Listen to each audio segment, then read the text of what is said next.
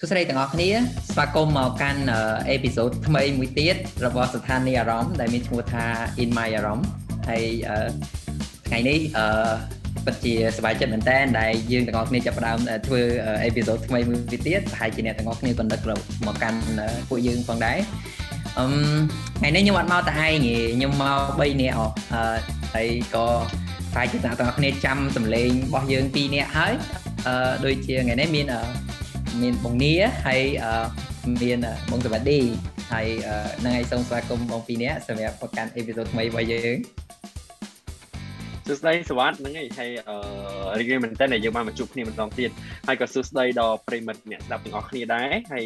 ពិតជានឹករំលឹកមែនតើហើយសង្ឃឹមថាទាំងអស់គ្នាឥឡូវនេះកំពុងតែអឺមានស្តុកសុខភាពទាំងកាយទាំងចិត្តចាអរគុណនិយាយហើយក៏អរគុណសម្រាប់បាន អឺណែនាំខាងលើអញ្ចឹងណាហើយខានជួបគ្នានៅខាងក្រៅយូរមែនសូម្បីតែនៅក្នុង podcast ហ្នឹងក៏យើងបាននិយាយគ្នាតាមរយៈ podcast ហ្នឹងយូរទៅទៀតប៉ុន្តែខ្ញុំជឿជាក់ថាចំណាយពេលនៅឆ្ងាយគ្នាមែនប៉ុន្តែអារម្មណ៍យើងបេះដូងយើងក៏នៅនៅចិត្តគ្នាដែរហើយក៏សង្ឃឹមថាបងប្អូនដែលកំពុងតែស្ដាប់ហ្នឹងគាត់ក៏មានអារម្មណ៍ថាមាន connectedness មានតំណែងជាមួយយើងរហូតតាមការដែលយើងផ្សព្វផ្សាយនៅលើ page Facebook អីជាដើមអញ្ចឹងថ្ងៃអរគុណច្រើន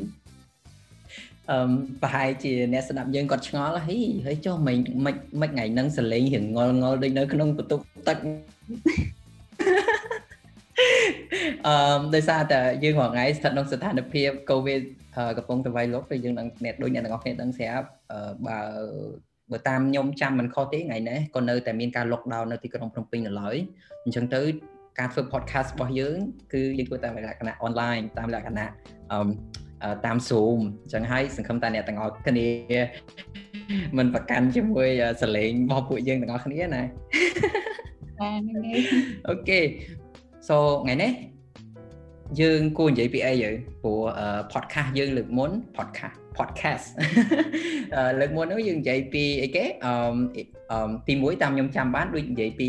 logo ឬក៏ mission vision របស់អារម្មណ៍ introduce តទៅមានអារម្មណ៍ណាហើយទី2តាមខ្ញុំចាំបានដូចនិយាយរឿង friendship ហើយទី3និយាយអីគេខ្ញុំភ្លេចបាត់ហើយបង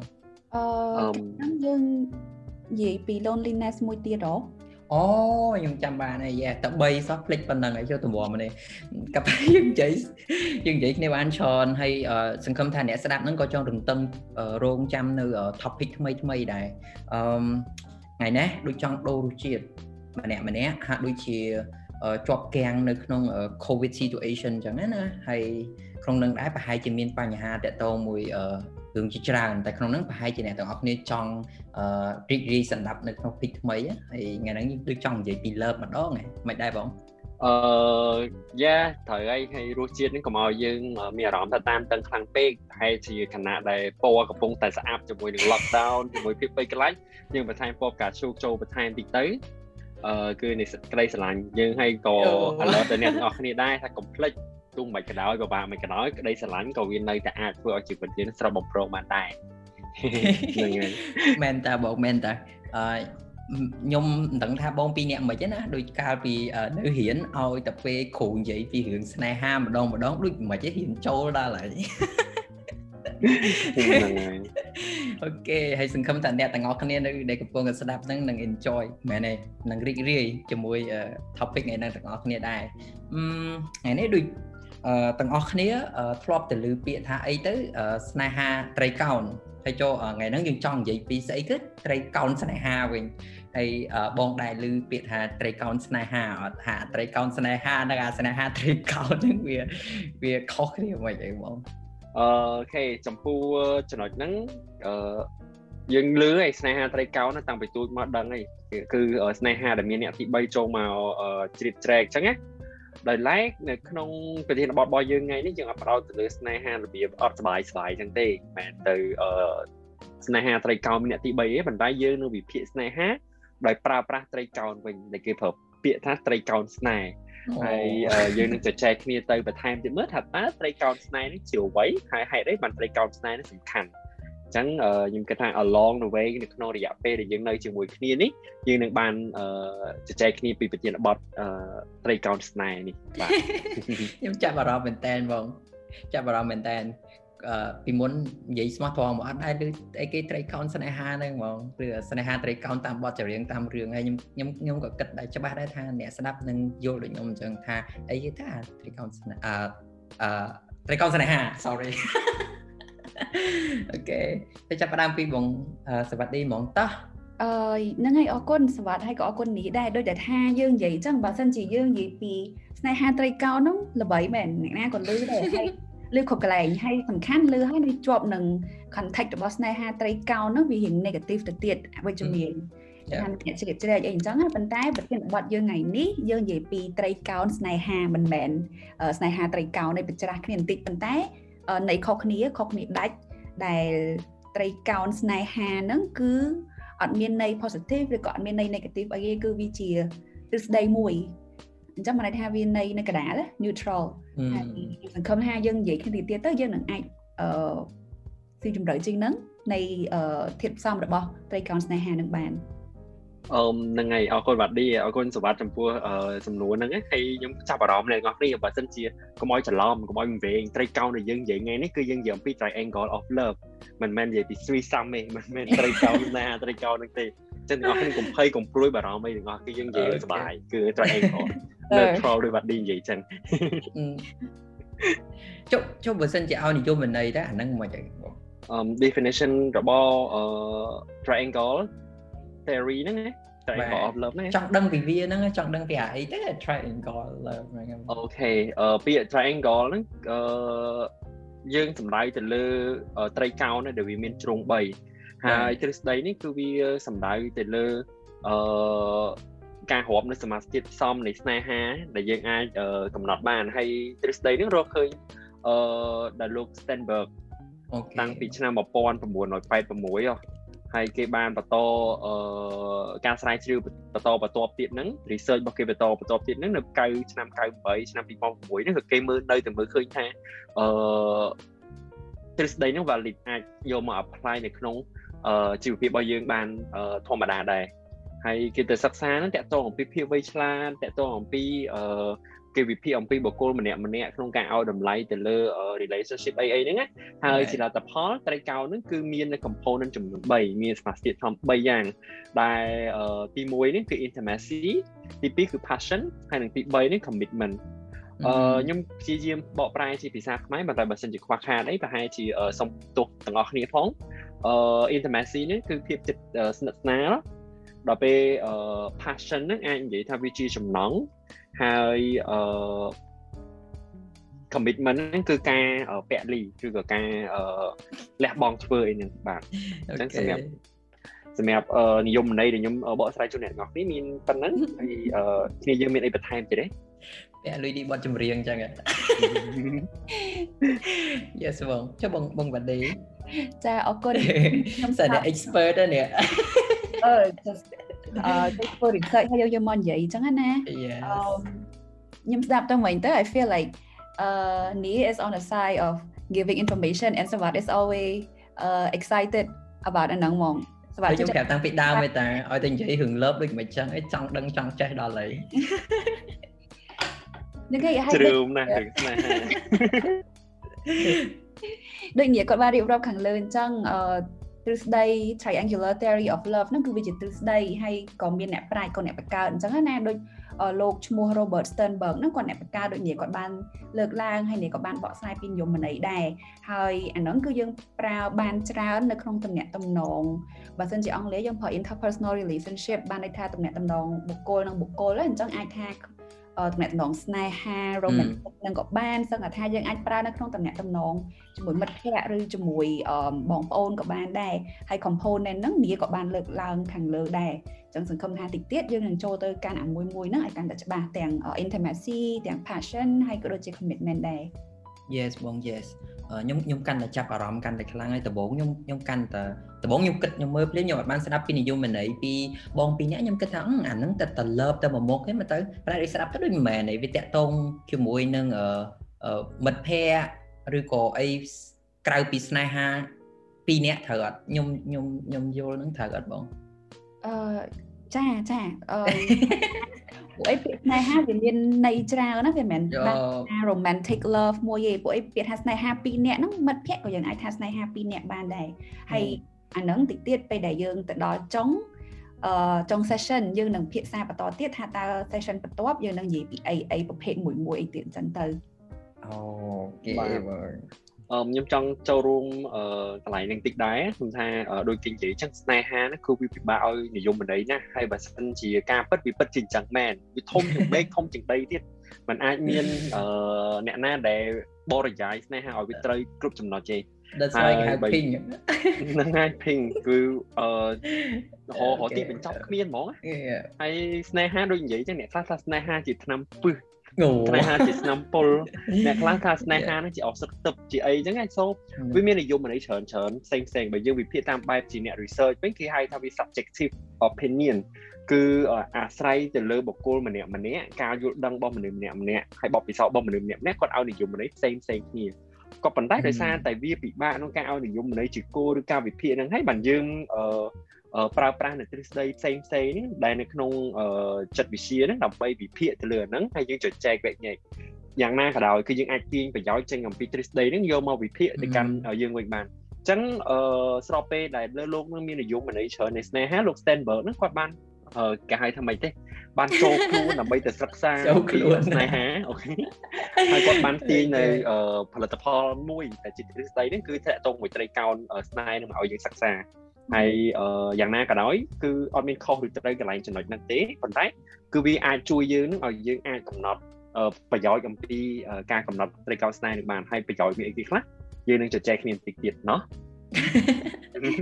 ចង់ដឹងទេអ្នកអត់ចង់ចាំសោះ មួយមួយមួយមួយបាទដាក់ទាំងដាក់ទាំងអ OK បង OK អឺខ្ញុំគិតថាអ្នកស្ដាប់របស់យើងក៏មិនខុសពីខ្ញុំប្រហែលដែរកំពុងតែ exciting មើលដោយសារតែយើងអត់មានរូបភាពមើលប៉ុន្តែស្ដាប់ទៅសំឡេងខ្ញុំអាចទាយបានថាកំពុងតែលួចញញឹមកុំអៀនពេកអត់ទេវាត្រូវបរិបត្តិបងពីព្រោះឥឡូវយើងនិយាយពី love so everything should be pink អា Yeah yeah pink Yes បង yes អឺចុះបងបងវត្តអ៊ីមានអីបន្ថែមឬក៏មានអីចង់សង្កត់ធ្ងន់អាចសង្កត់ធ្ងន់លើនឹងបានចាចាអរគុណអរគុណសម្បត្តិអរគុណនាមម្ដងទៀតទៅអរគុណច្រើនថ្ងៃហ្នឹងអូយកណាអរគុណច្រើនមែនតើនេះ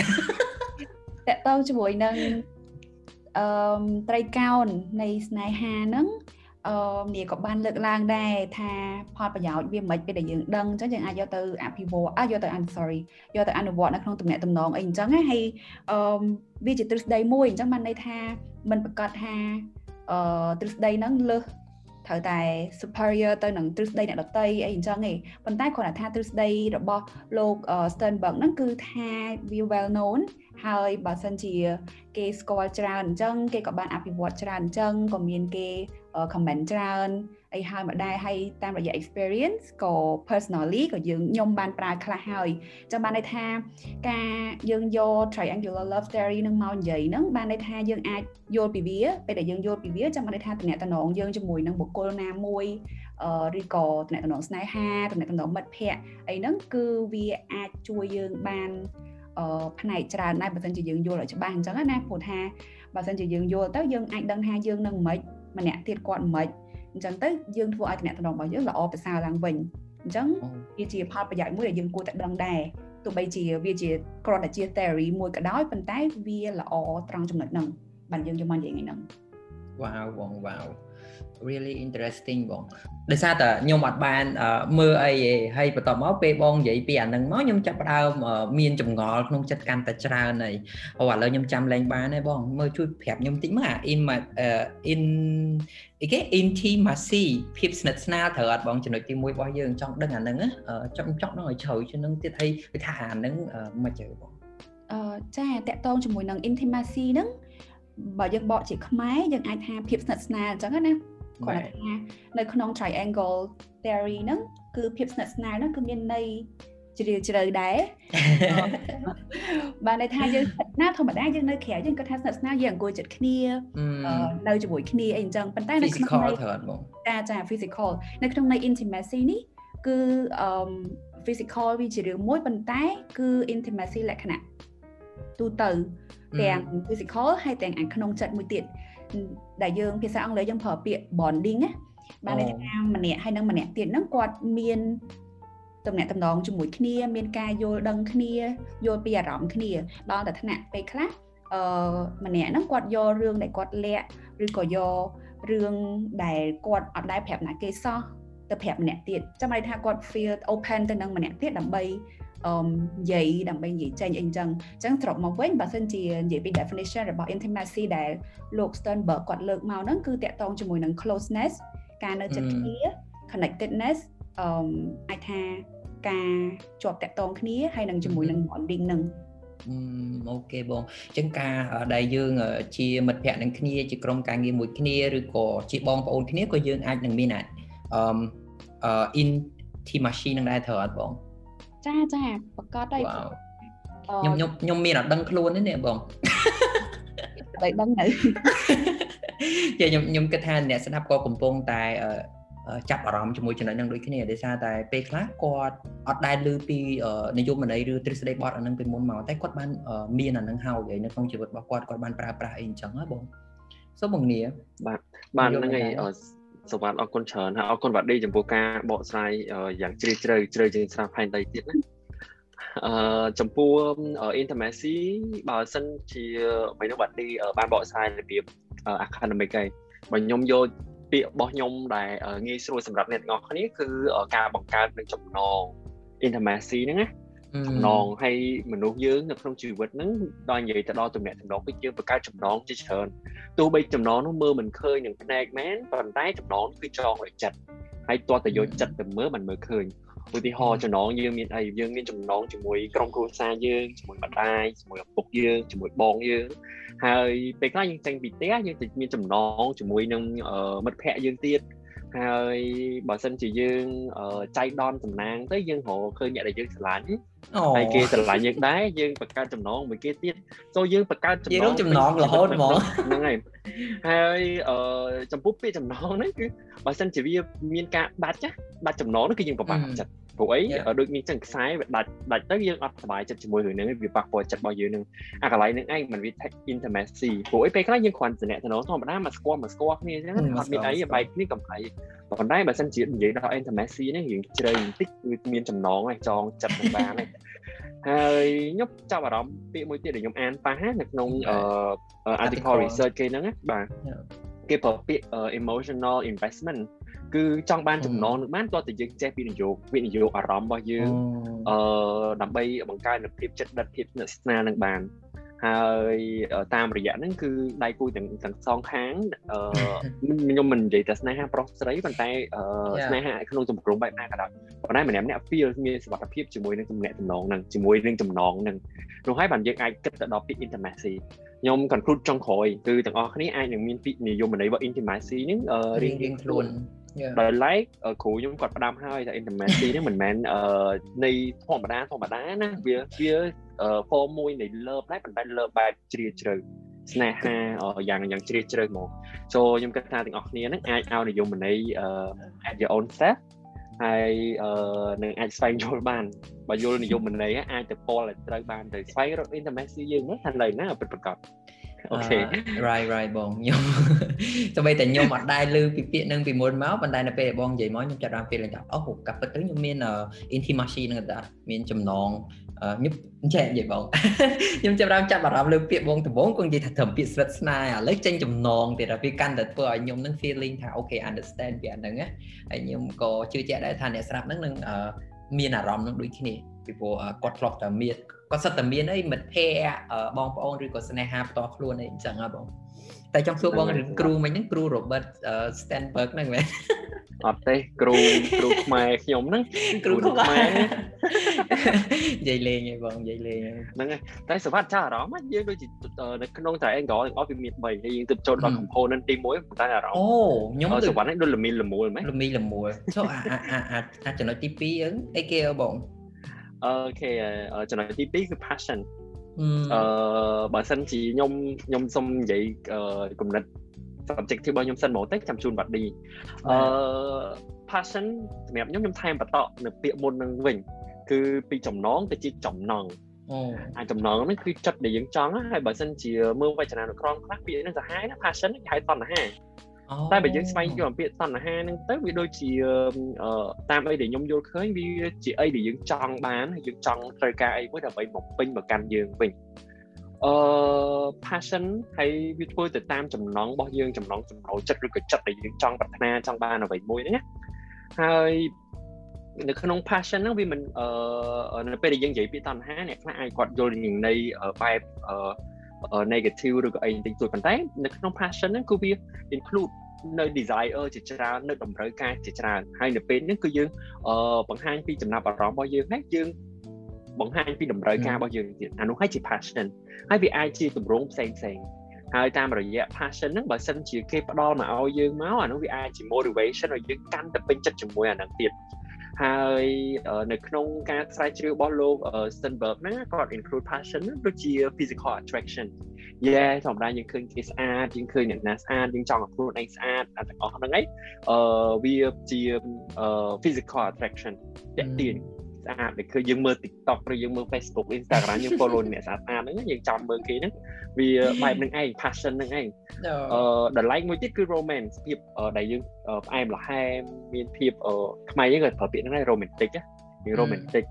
ហើយបាទមួយក្នុងនឹងដែរបើសិនជាជាទំនាក់ទំនងស្នេហាជាដៃគូមនុស្សពីរនាក់ហ្នឹងគឺអឺគេប្រើពាក្យបែប sexual consummation តកតងជាមួយនឹងផ្លូវភេទឬក៏ទំនាក់ទំនងស្នេហាអីនឹងជាដើមអាទាំងអស់ហ្នឹងសិតតែ component នៅក្នុងទុយទុយទុយទុយទុយនៅក្នុង passion ហ្នឹងឯងអានេះតាមអីដែលខ្ញុំបានដឹងបាទអូយខ្ញុំឡើងព្រឺរោមចូលមកបាត់នេះបាត់អាសាជូតដៃហងអូយដូចមួយចឹងចាក់មើល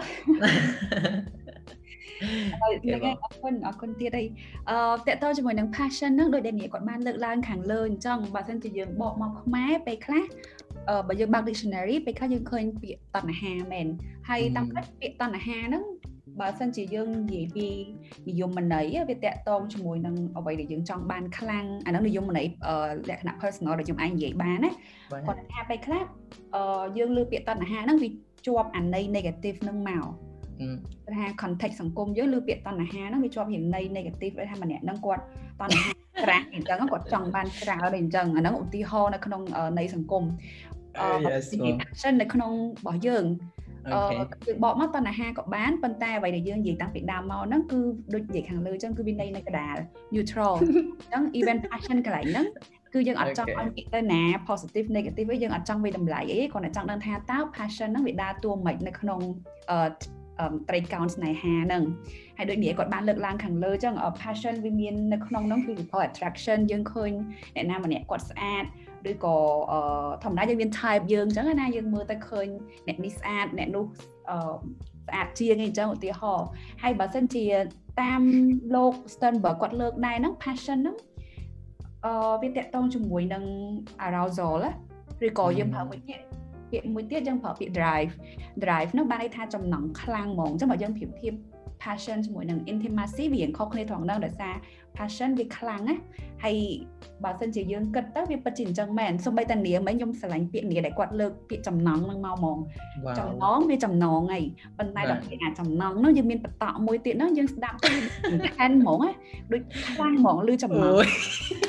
អឺ yeah passion តណ្ហាចំណងហើយបើយើងប្រើអង់គ្លេស arousal ឬក៏ stimulation ហ្នឹងគឺសុទ្ធតែខ្លាំងហើយបានន័យថាយើងអឺ ដូចយើង attract ទៅណាគេម្នាក់មួយឆាវមួយ plan អញ្ចឹងក៏លេខទៅឃើញម្នាក់នឹងស្អាតទៅតាមអឺអឺចំណងចំណុចចិត្តរបស់យើងអញ្ចឹងណាព្រោះថាម្នាក់ម្នាក់ខុសគ្នាអញ្ចឹង yeah សរុបមកទៅគឺ passion ហ្នឹងវាតាក់ទងជាមួយនឹង physical arousal ឬក៏ stimulation ជាភាសាអង់គ្លេសបើមិនជាបកមកជាខ្មែរយើងអាចប្រើពាក្យថាតណ្ហាឬក៏ការរំជួលអារម្មណ៍អីហ្នឹងជាដើមហើយ មូលហេតុនៃ passion នេះវាច្រើនហើយវាខុសខុសគ្នាទៅទៀតគាត់ថាបើយើងនិយាយជារួមទៅវាអញ្ចឹងហ្នឹងហើយបងខ្ញុំចាប់អារម្មណ៍មែនតែនហើយបងឯងនិយាយមកខ្ញុំឡើងឡើងព្រឺរោព្រឺរោមែនអត់ព្រឺរោលេងទេណាបងអឺដូចដូចរៀងស្រាវស្រាញដែរប្រធានបទនេះមិនមែនប្រធានបទធម្មតាទេគឺញាក់អត់ទេអឺបើសិនបើយើងប្រើតែតែពាក្យអង់គ្លេសប្រែបែបធម្មតាធម្មតាដូចអត់សូវយល់ខ្លាំងទេតែដល់ពេលដូចមានតណ្ហាដូចមានអីចឹងទៅដូចមានអារម្មណ៍ថាអី អឺក្តៅដែរបាទនឹងប៉ុន្តែក៏សូមអធិស្ឋានផងបើសិនជាប្រើកម្មប្រើប្រាស់ពាក្យខ្មែររបស់យើងវាមិនចំចំចំចំណុចណាក៏ប៉ុន្តែយើងព្យាយាមអមជាមួយនឹងពាក្យអង់គ្លេសអញ្ចឹងមកទាំងអស់គ្នាអាចស្វែងយល់ពាក្យអង់គ្លេសនឹងបានវាស៊ីជម្រៅបន្ថែមទៀតពេលខ្លះខ្ញុំចេះពាក្យខ្មែរនឹងអត់អស់ដើម្បី reflect មួយពាក្យអង់គ្លេសហ្នឹងណាក៏ប៉ុន្តែជូនតែមួយម៉ាត់ទេ គឺពាក្យជ្រៅមែននៅក្នុងអត្ថបទនេះជ្រៅជ្រៅមែនអ្នកទៅអានហ្នឹងក៏បែបលក្ខណៈរៀងក្តៅដែរហ្នឹងហើយបងអឺខ្ញុំចាប់តែចាប់អារម្មណ៍ថាបន្ទាប់ពីបងឯងមានមិញចំណងអឺមិនមិនចំណងឬអីមួយណាមុនមិញនេះចង់វល់ខ្ញុំអស់ហើយ intimacy មុន intimacy ចំណងឲ្យបានចំណងចំណងឲ្យបានចំណង passion ហ្នឹងមិនអ្នកណាគេក៏និយាយដែរបច្ចុប្បន្នសង្ឃថាអ្នកស្ដាប់ឥឡូវហ្នឹងប្រហែលជាលឺឡើងសមទៅជាអី passion passion passion អីហ្នឹងមិនចឹងប៉ុន្តែដល់ពេលឥឡូវយើងមក link ជាមួយនឹងការ like ពាក្យតណ្ហាទៅហាក់ដូចជាគាត់យើងអត់សូវ familiar លើវាថាដូចថ្មីដែរសម្រាប់ខ្ញុំក៏ថ្មីដែរតែសម្រងចំនួនរបស់ខ្ញុំចង់សួរថារវាង love triangle ឬក៏ triangle love ហ្នឹងអាហ្នឹងត្រូវតែមានចំណងមុនចំណងចំណងមុនចំណងត្រូវអត់បងពួកខ្ញុំវល់ហើយអ្នកស្ដាប់ក៏វល់ដូចខ្ញុំដែរនេះអឺសវណ្ណវាត្រូវតែ ត្រឡប់គ្នាទៅមកបានបាទបាទអរគុណយល់ចំពោះសំណួរអរគុណច្រើនអឺបើសិនជាយើងនិយាយអា3ត្រីកោណនោះវាដូចជាមុំចក្រានហ្នឹងណាហើយមុំចក្រានយើងមិនអាចនិយាយថាមួយណាមុនមួយណាទេគ្រាន់តែពួកយើងរៀបរាប់យើងមិនអាចនិយាយម្ដងទាំង3នេះវាអត់អបណាវាអត់រៀបចំណាប៉ុន្តែបើសិនជាយើងមើលវាវាមើលពីជ្រុងមួយណាក៏បានដែរវា3នឹងទឹមទឹមគ្នាហ្មងណាអញ្ចឹងយើងអត់ដាក់លេខទេនៅកន្លែងហ្នឹងអត់ដាក់លេខ1លេខ2លេខ3ទេប៉ុន្តែយើងមើលថាតើលក្ខណៈ អឺមួយណាមួយណាមួយណាមានលក្ខណៈមិនចឹង yes ហ្នឹងហើយនិយាយទៅមុំចក្រានហ្មងបងប្អូនវ៉ាវខ្ញុំខ្ញុំយល់ហើយបងដំបូងខ្ញុំគិតលេខ1លេខ2ប្រហែលយកអូត្រូវតែមានលេខ1ហើយលេខ2តែឥឡូវខ្ញុំយល់ច្បាស់ហើយថាកាពិតវាមិនបាច់ទៅ order 1 2 3ទេសំខាន់ឲ្យតែវាមានស្ថិតក្នុងអាអាផ្នែកណាមួយក្នុងហ្នឹងគឺវាចូលក្នុង triangle love ហ្នឹងហើយបាទឧទាហរណ៍មួយទៀតឲ្យងាយណាដូចឥឡូវយើង3នាក់កំពុងជជែកគ្នាអញ្ចឹងអញ្ចឹងរសជាតិបាត់ឌីផ្សេងរសជាតិខ្ញុំផ្សេងរសជាតិសវត្ថផ្សេងអញ្ចឹងបើយើងឲ្យ order អត់មានមួយណាល្អជាងមួយណាប៉ុន្តែតម្លៃតម្លៃពីគ្នាហ្នឹងហើយ OK OK ចឹងបាទសង្ឃឹមថាអ្នកអ្នកស្ដាប់យល់ហើយព្រោះខ្ញុំយល់ហើយខ្ញុំតំណាងឲ្យអ្នកស្ដាប់ OK បងចុះបងបាឌីមានអីបន្ថែមអត់បើអត់បន្ថែមទេយើងចូលទៅចំណុចទី3បានចាអត់អីអាចចូលចំណុចទី3ហ្មងទៅ អឺដោយសារយើងមានចំណងចំណងឥឡូវសូអាចំណុចទី3ហ្នឹងអីគេទៅបងអឺចំណុចទី3ហ្នឹងគឺ commitment អូអូខេអឺភាសាខ្មែរយើងតាមខ្ញុំចេះដូចជា commitment ការតាំងចិត្តត្រូវអត់បងតាចាហ្នឹងហើយចុះដល់ពេលក្នុងន័យបែបស្រីស្រាវហ្នឹងមិនវិញបងស្រីស្រាវការស្រីស្រាវហ្នឹងគឺយើងបិទ compassion ណា ដល់ commitment គឺយើងដល់ emotion មួយរៀងដូចថា calm ជាងមុនទីអីអឺចាតកតងជាមួយនឹង commitment នឹងដែរហ្នឹងគឺវាជាផ្នែកមួយនៃអាត្រីកោណហ្នឹងណាអឺហើយ commitment ហ្នឹងយើងបកខ្មែរបានច្រើនអាចថាជួនកាលការលះបង់ឬក៏ការបដិញ្ញាចិត្តអីជាមួយបុគ្គលម្នាក់ទៀតហ្នឹងហើយអឺដោយសារគេបង្កើតជាត្រីកោណមកហ្នឹងវារៀងត្រីកោណវាមិនមែនជា list list ទេ ចឹងបានន័យថា3ហ្នឹងវាតាក់ទងគ្នាមិនចាំមានអាណាមុនទេជួនកាលអាច commitment មុនក៏ថាបានទៅបីជាយើងយកវាមកនិយាយចុងក្រោយអញ្ចឹងហើយតាក់ទងជាមួយនឹង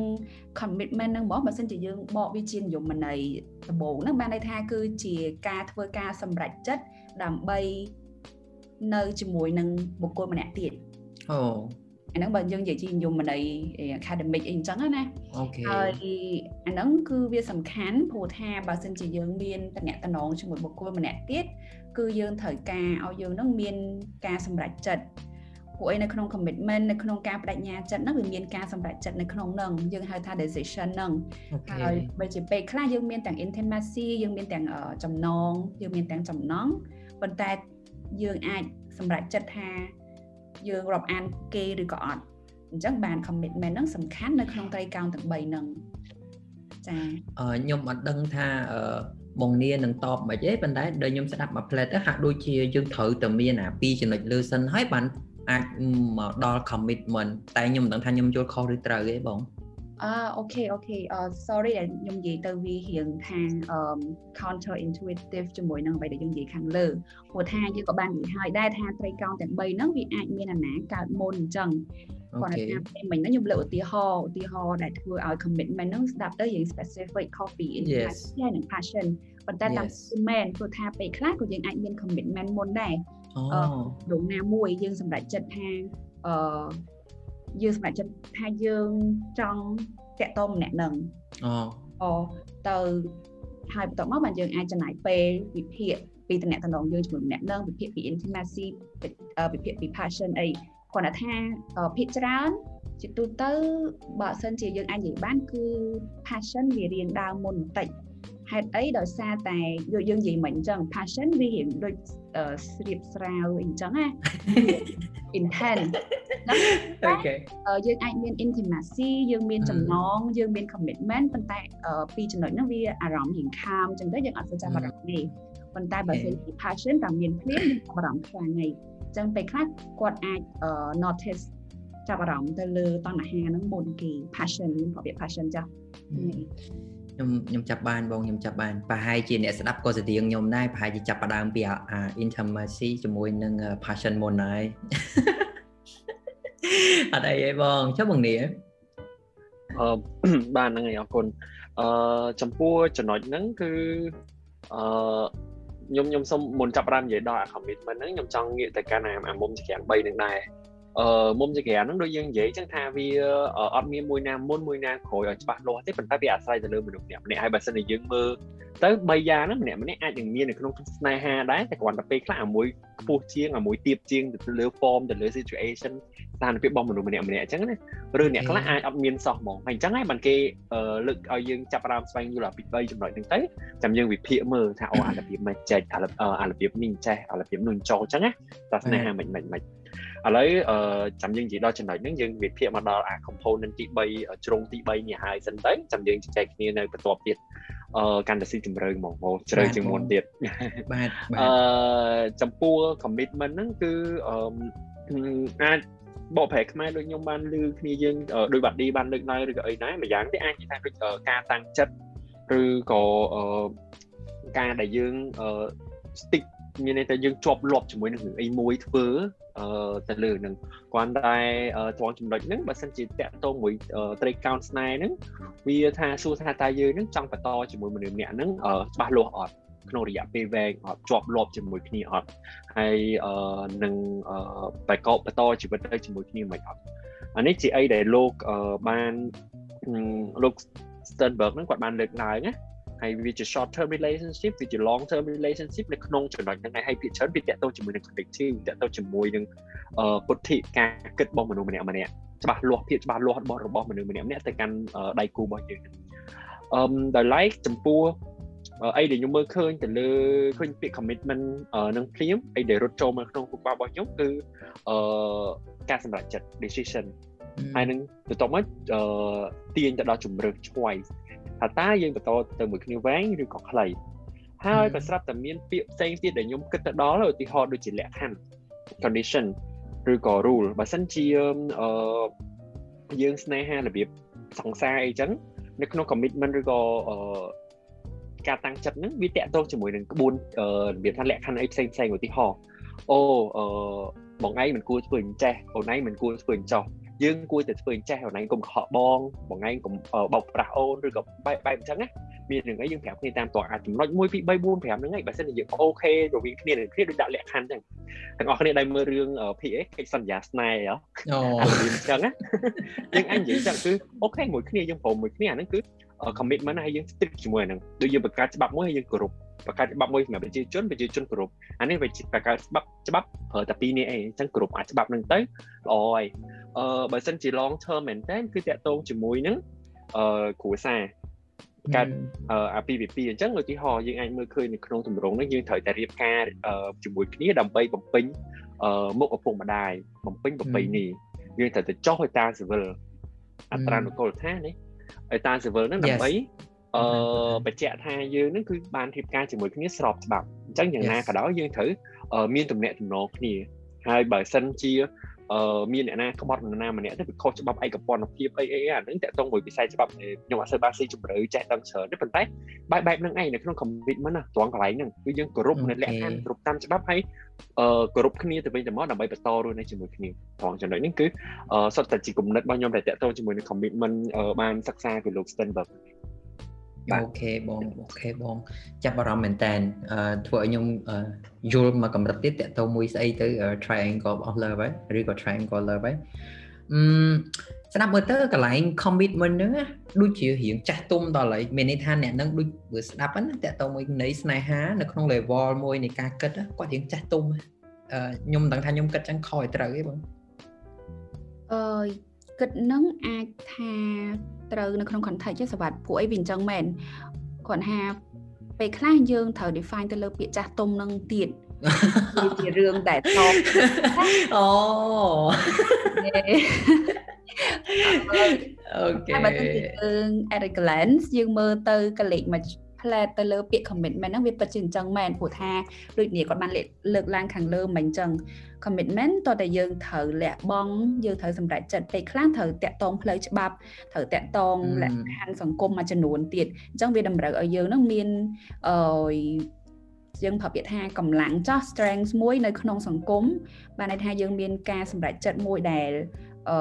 ច្បាស់លាស់ជាងមុនហើយខ្ញុំស្រឡាញ់ពេលដែលអ្នកគាត់ប្រើពាក្យថា cognition តាក់ទងជាមួយនឹងពុទ្ធិបានន័យថាម្នាក់ហ្នឹងគាត់បានចេះដឹងគាត់បានយល់ពីតំណែងគាត់បានយល់ច្បាស់ថាបុគ្គលម្នាក់ទៀតមិនសង្គមមិនអញ្ចឹងដើម្បីយើងបានតាក់ទងគ្នាយើងអាចធ្វើមិនបានអីអញ្ចឹងអញ្ចឹងក្នុងន័យហ្នឹងក៏យើងអាចថាយាតាក់ទងជាមួយ commitment ហ្នឹងវាវាអឺគោលពាក្យថាមិន strong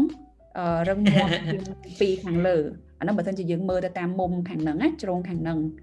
ហ្នឹងហើយ ខ្ញុំអត់ដឹងថាអ្នកស្ដាប់យើងកំពុងតែមានសំណួរច្រើនដូចខ្ញុំអត់ទេប៉ុន្តែខ្ញុំខ្ញុំមានអារម្មណ៍ថាមានសំណួរជាច្រើនចង់សួរទៅបងពីអ្នកមែនតើអឺគ្រាន់តែខ្ញុំម្នាក់ឯងយល់ថាអឺនៅពេលដែលខ្ញុំស្ដាប់នៅ3ចំណុចមួយហ្នឹងហើយខ្ញុំចាប់ផ្ដើមគិតមកលើអីដែលខ្ញុំបានធ្វើកន្លងមកក៏អីដែលខ្ញុំបានគិតបច្ចុប្បន្នទៅលើរឿងអីដែលខ្ញុំបានគិតដូចចាប់អារម្មណ៍ទៅលើនរណាម្នាក់កំពុងតែសម្រាប់ចិត្តធ្វើអីមួយឬក៏ yeah try to reflect ចឹងណាបងអឺ ហ្នឹងហើយអូពិតជាអរគុណច្រើនមែនតើបងមកដល់ពេលនេះទៅតាមខ្ញុំមើលទៅដូចជាប្រហែលជាជិត40នាទីអីហើយប្រហែលជាអ្នកស្ដាប់កំពុងតែអន្លង់អន្លួចជាមួយខ្ញុំដែរព្រោះអត្តន័យដែលបងលើកមកហ្នឹងវាពិតជាចាប់អារម្មណ៍នៅក្នុងស្ថានភាពបច្ចុប្បន្នព្រោះយើងដឹងស្រាប់ហើយអ្នកណាគេក៏មានស្នេហាអ្នកណាគេក៏មានហង្ការអឺគួរនិយាយលេខតណ្ហា Yes ហើយ អឺអូខេអឺដោយសារតែយើង មានពេលកំណត់ដែរ so បងថ្ងៃហ្នឹងមានអីចង់បន្ថែមក៏ដូចជាអឺប្រាប់ឬក៏ conclude ទៅកាន់អ្នកស្ដាប់យើងដែរ ចាអរគុណច្រើនសវត្តតកតងជាមួយនឹងពាក្យចុងក្រោយប៉ុន្តែវាមិនមែនជាការចុងក្រោយអីព្រោះថាសង្ឃឹមថាយើងនឹងនៅតែបន្តអឺ podcast episode បន្តទៀតព្រោះថាខ្ញុំជឿថាប្រកាសជាមានសំណួរសូម្បីតែខ្ញុំខ្លួនឯងហ្នឹងពេលដែលខ្ញុំបានសិក្សាពីលើប្រធានបទ triangle នៃស្នេហាហ្នឹងត្រីកោណនៃស្នេហាហ្នឹងក៏ខ្ញុំមានសំណួរឆ្ងល់ច្រើនហើយបើសិនជាយើងកលេចទៅមើលចម្លើយ តរថាពេលខ្លះយើងលើកឧទាហរណ៍បានច្រើនអានឹងកាន់តែយល់ទៅទៀតព្រោះថាអឺត្រីកោណស្នេហាហ្នឹងដូចយើងបាននិយាយខាងលើអញ្ចឹងអ្វីដែលយើងលើកមកនិយាយថ្ងៃហ្នឹងដោយសារតែវាមានប្រយោជន៍តាក់ទងជាមួយនឹងការរស់នៅក្នុងសង្គមតាក់ទងមួយទំនាក់ទំនងបុគ្គលម្នាក់ទៅម្នាក់មិនថាតែស្នេហាលក្ខណៈរ៉ូមែនទិកអីទេស្នេហាលក្ខណៈមិត្តភ័ក្តិអឺ គ្រួសារអីក៏សិតតែតាក់ទងជាមួយនឹងប្រធានបទស្នេហាដែលនៅក្នុងហ្នឹងគឺមានចង្កោម3ត្រីកោណ3ហ្នឹងដែលវាដើរតួសំខាន់ទាំងអស់អញ្ចឹងពេលដែលយើងថ្ងៃនេះយើងលើកមកអាចថាជាការណែនាំដំបូង introduction ទៅលើប្រធានបទស្នេហាហ្នឹងមួយម៉ាត់ហើយបើសិនជាយើងកលេចទៅមើលប្រភេទស្នេហាវិញវាមានតាមនឹងទៅទៀតអ ញ្ចឹងខ្ញុំគិតថាក្នុងរយៈពេលមួយ session ថ្ងៃនេះថាយើងអាចដឹងពីត្រីកោណនឹងជាអីហើយវាមានសារៈប្រយោជន៍អ្វីនៅក្នុងតំណែងតំណងយើងខ្ញុំគិតថាអានឹងគឺតែហើយ OK OK បងអឺចុះបងនីវិញបាទអរគុណច្រើនសវត្ថអរគុណវត្តឌីចំពោះពាក្យចុងក្រោយបិទនៅ podcast យើង episode នេះអឺសម្រាប់ខ្ញុំវិញគឺ ពេលដែលយើងបាននិយាយអំពីរឿងត្រីកោណស្នេហានេះណាហើយយើងណែនាំអំពីទ្រឹស្ដីរបស់លោក Stenberg ហ្នឹងហើយយើងក៏បាន go through មួយមួយមានន័យថាម៉េច intimacy passion ហើយនិង commitment ហ្នឹងអឺដល់ឡែកបើសិនជាសួរថាបានប្រយោជន៍អីបើសិនជាយើងបានដឹងអំពីអាហ្នឹងអឺគឺវាអាចនឹងឲ្យយើងប្រើប្រាស់ដើម្បីយកមកវាតម្លៃជាមួយនឹងស្នេហា នេះសារដំបូងជូនអ្នកដែលកំពុងមានស្នេហាហើយអញ្ចឹងអាចយកមកពិចារណាលេងទៅថាតើអឺស្នេហារបស់យើងហ្នឹងនៅក្នុងកម្រិត intimacy កម្រិតណា passion កម្រិតណា commitment មានកម្រិតណា1 2 3នឹងអីជាដើមតើអាណាដែលវាខ្ពស់ជាងគេអាណាទាបជាងគេហើយតាមរយៈទាំងអស់ហ្នឹងគឺយើងអាចដឹងហើយថាយើងកំណត់ថាតម្រូវការរបស់យើងយ៉ាងណាយើងចង់ឲ្យវាទៅជាយ៉ាងណាហើយយើងអាចធ្វើអីបានចំពោះរឿងហ្នឹង ហើយមិនថ្មីទេបើសិនជាយើងអត់ទាន់មានសង្សារមានស្នេហាក៏ដោយប៉ុន្តែយើងអាចយករឿងទាំងអស់ហ្នឹងយកមកវិភាគមកកាន់ខ្លួនឯងវិញតើខ្លួនឯងត្រូវការអីខ្លួនឯងត្រូវការអីហើយកំពុងតែស្វែងរកអីហើយធ្វើម៉េចដើម្បីទទួលបានរឿងទាំងអស់ហ្នឹងអញ្ចឹងនេះគឺជាប្រភេទអឺឲ្យយើងដឹងថាយើងគួររកស្នេហាប្រភេទណាมันវាសុបាយចិត្តសម្រាប់យើងយើងនឹងចង់បានអនាគតឲ្យទៅជាយ៉ាងណា1 2 3ហ្នឹងដោយឡែកនៅ នៅត្រង់ចំណុចហ្នឹងគឺយើងអាចចាត់ទុកថាវាជា introduction ទៅដែលសារតែវាក៏ថ្មីដែរសម្រាប់ពួកខ្ញុំក្នុងការស្វែងយល់ហើយខ្ញុំនឹងបន្តស្វែងយល់បន្តទៀតហើយទាំងអស់គ្នាបន្ទាប់ពីស្ដាប់ podcast ហ្នឹងហើយអាចយកទៅសិក្សាឲ្យស៊ីជម្រៅមួយមួយបន្ថែមទៀតទៅដើម្បីកាន់តែលម្អិតហើយនឹងអាច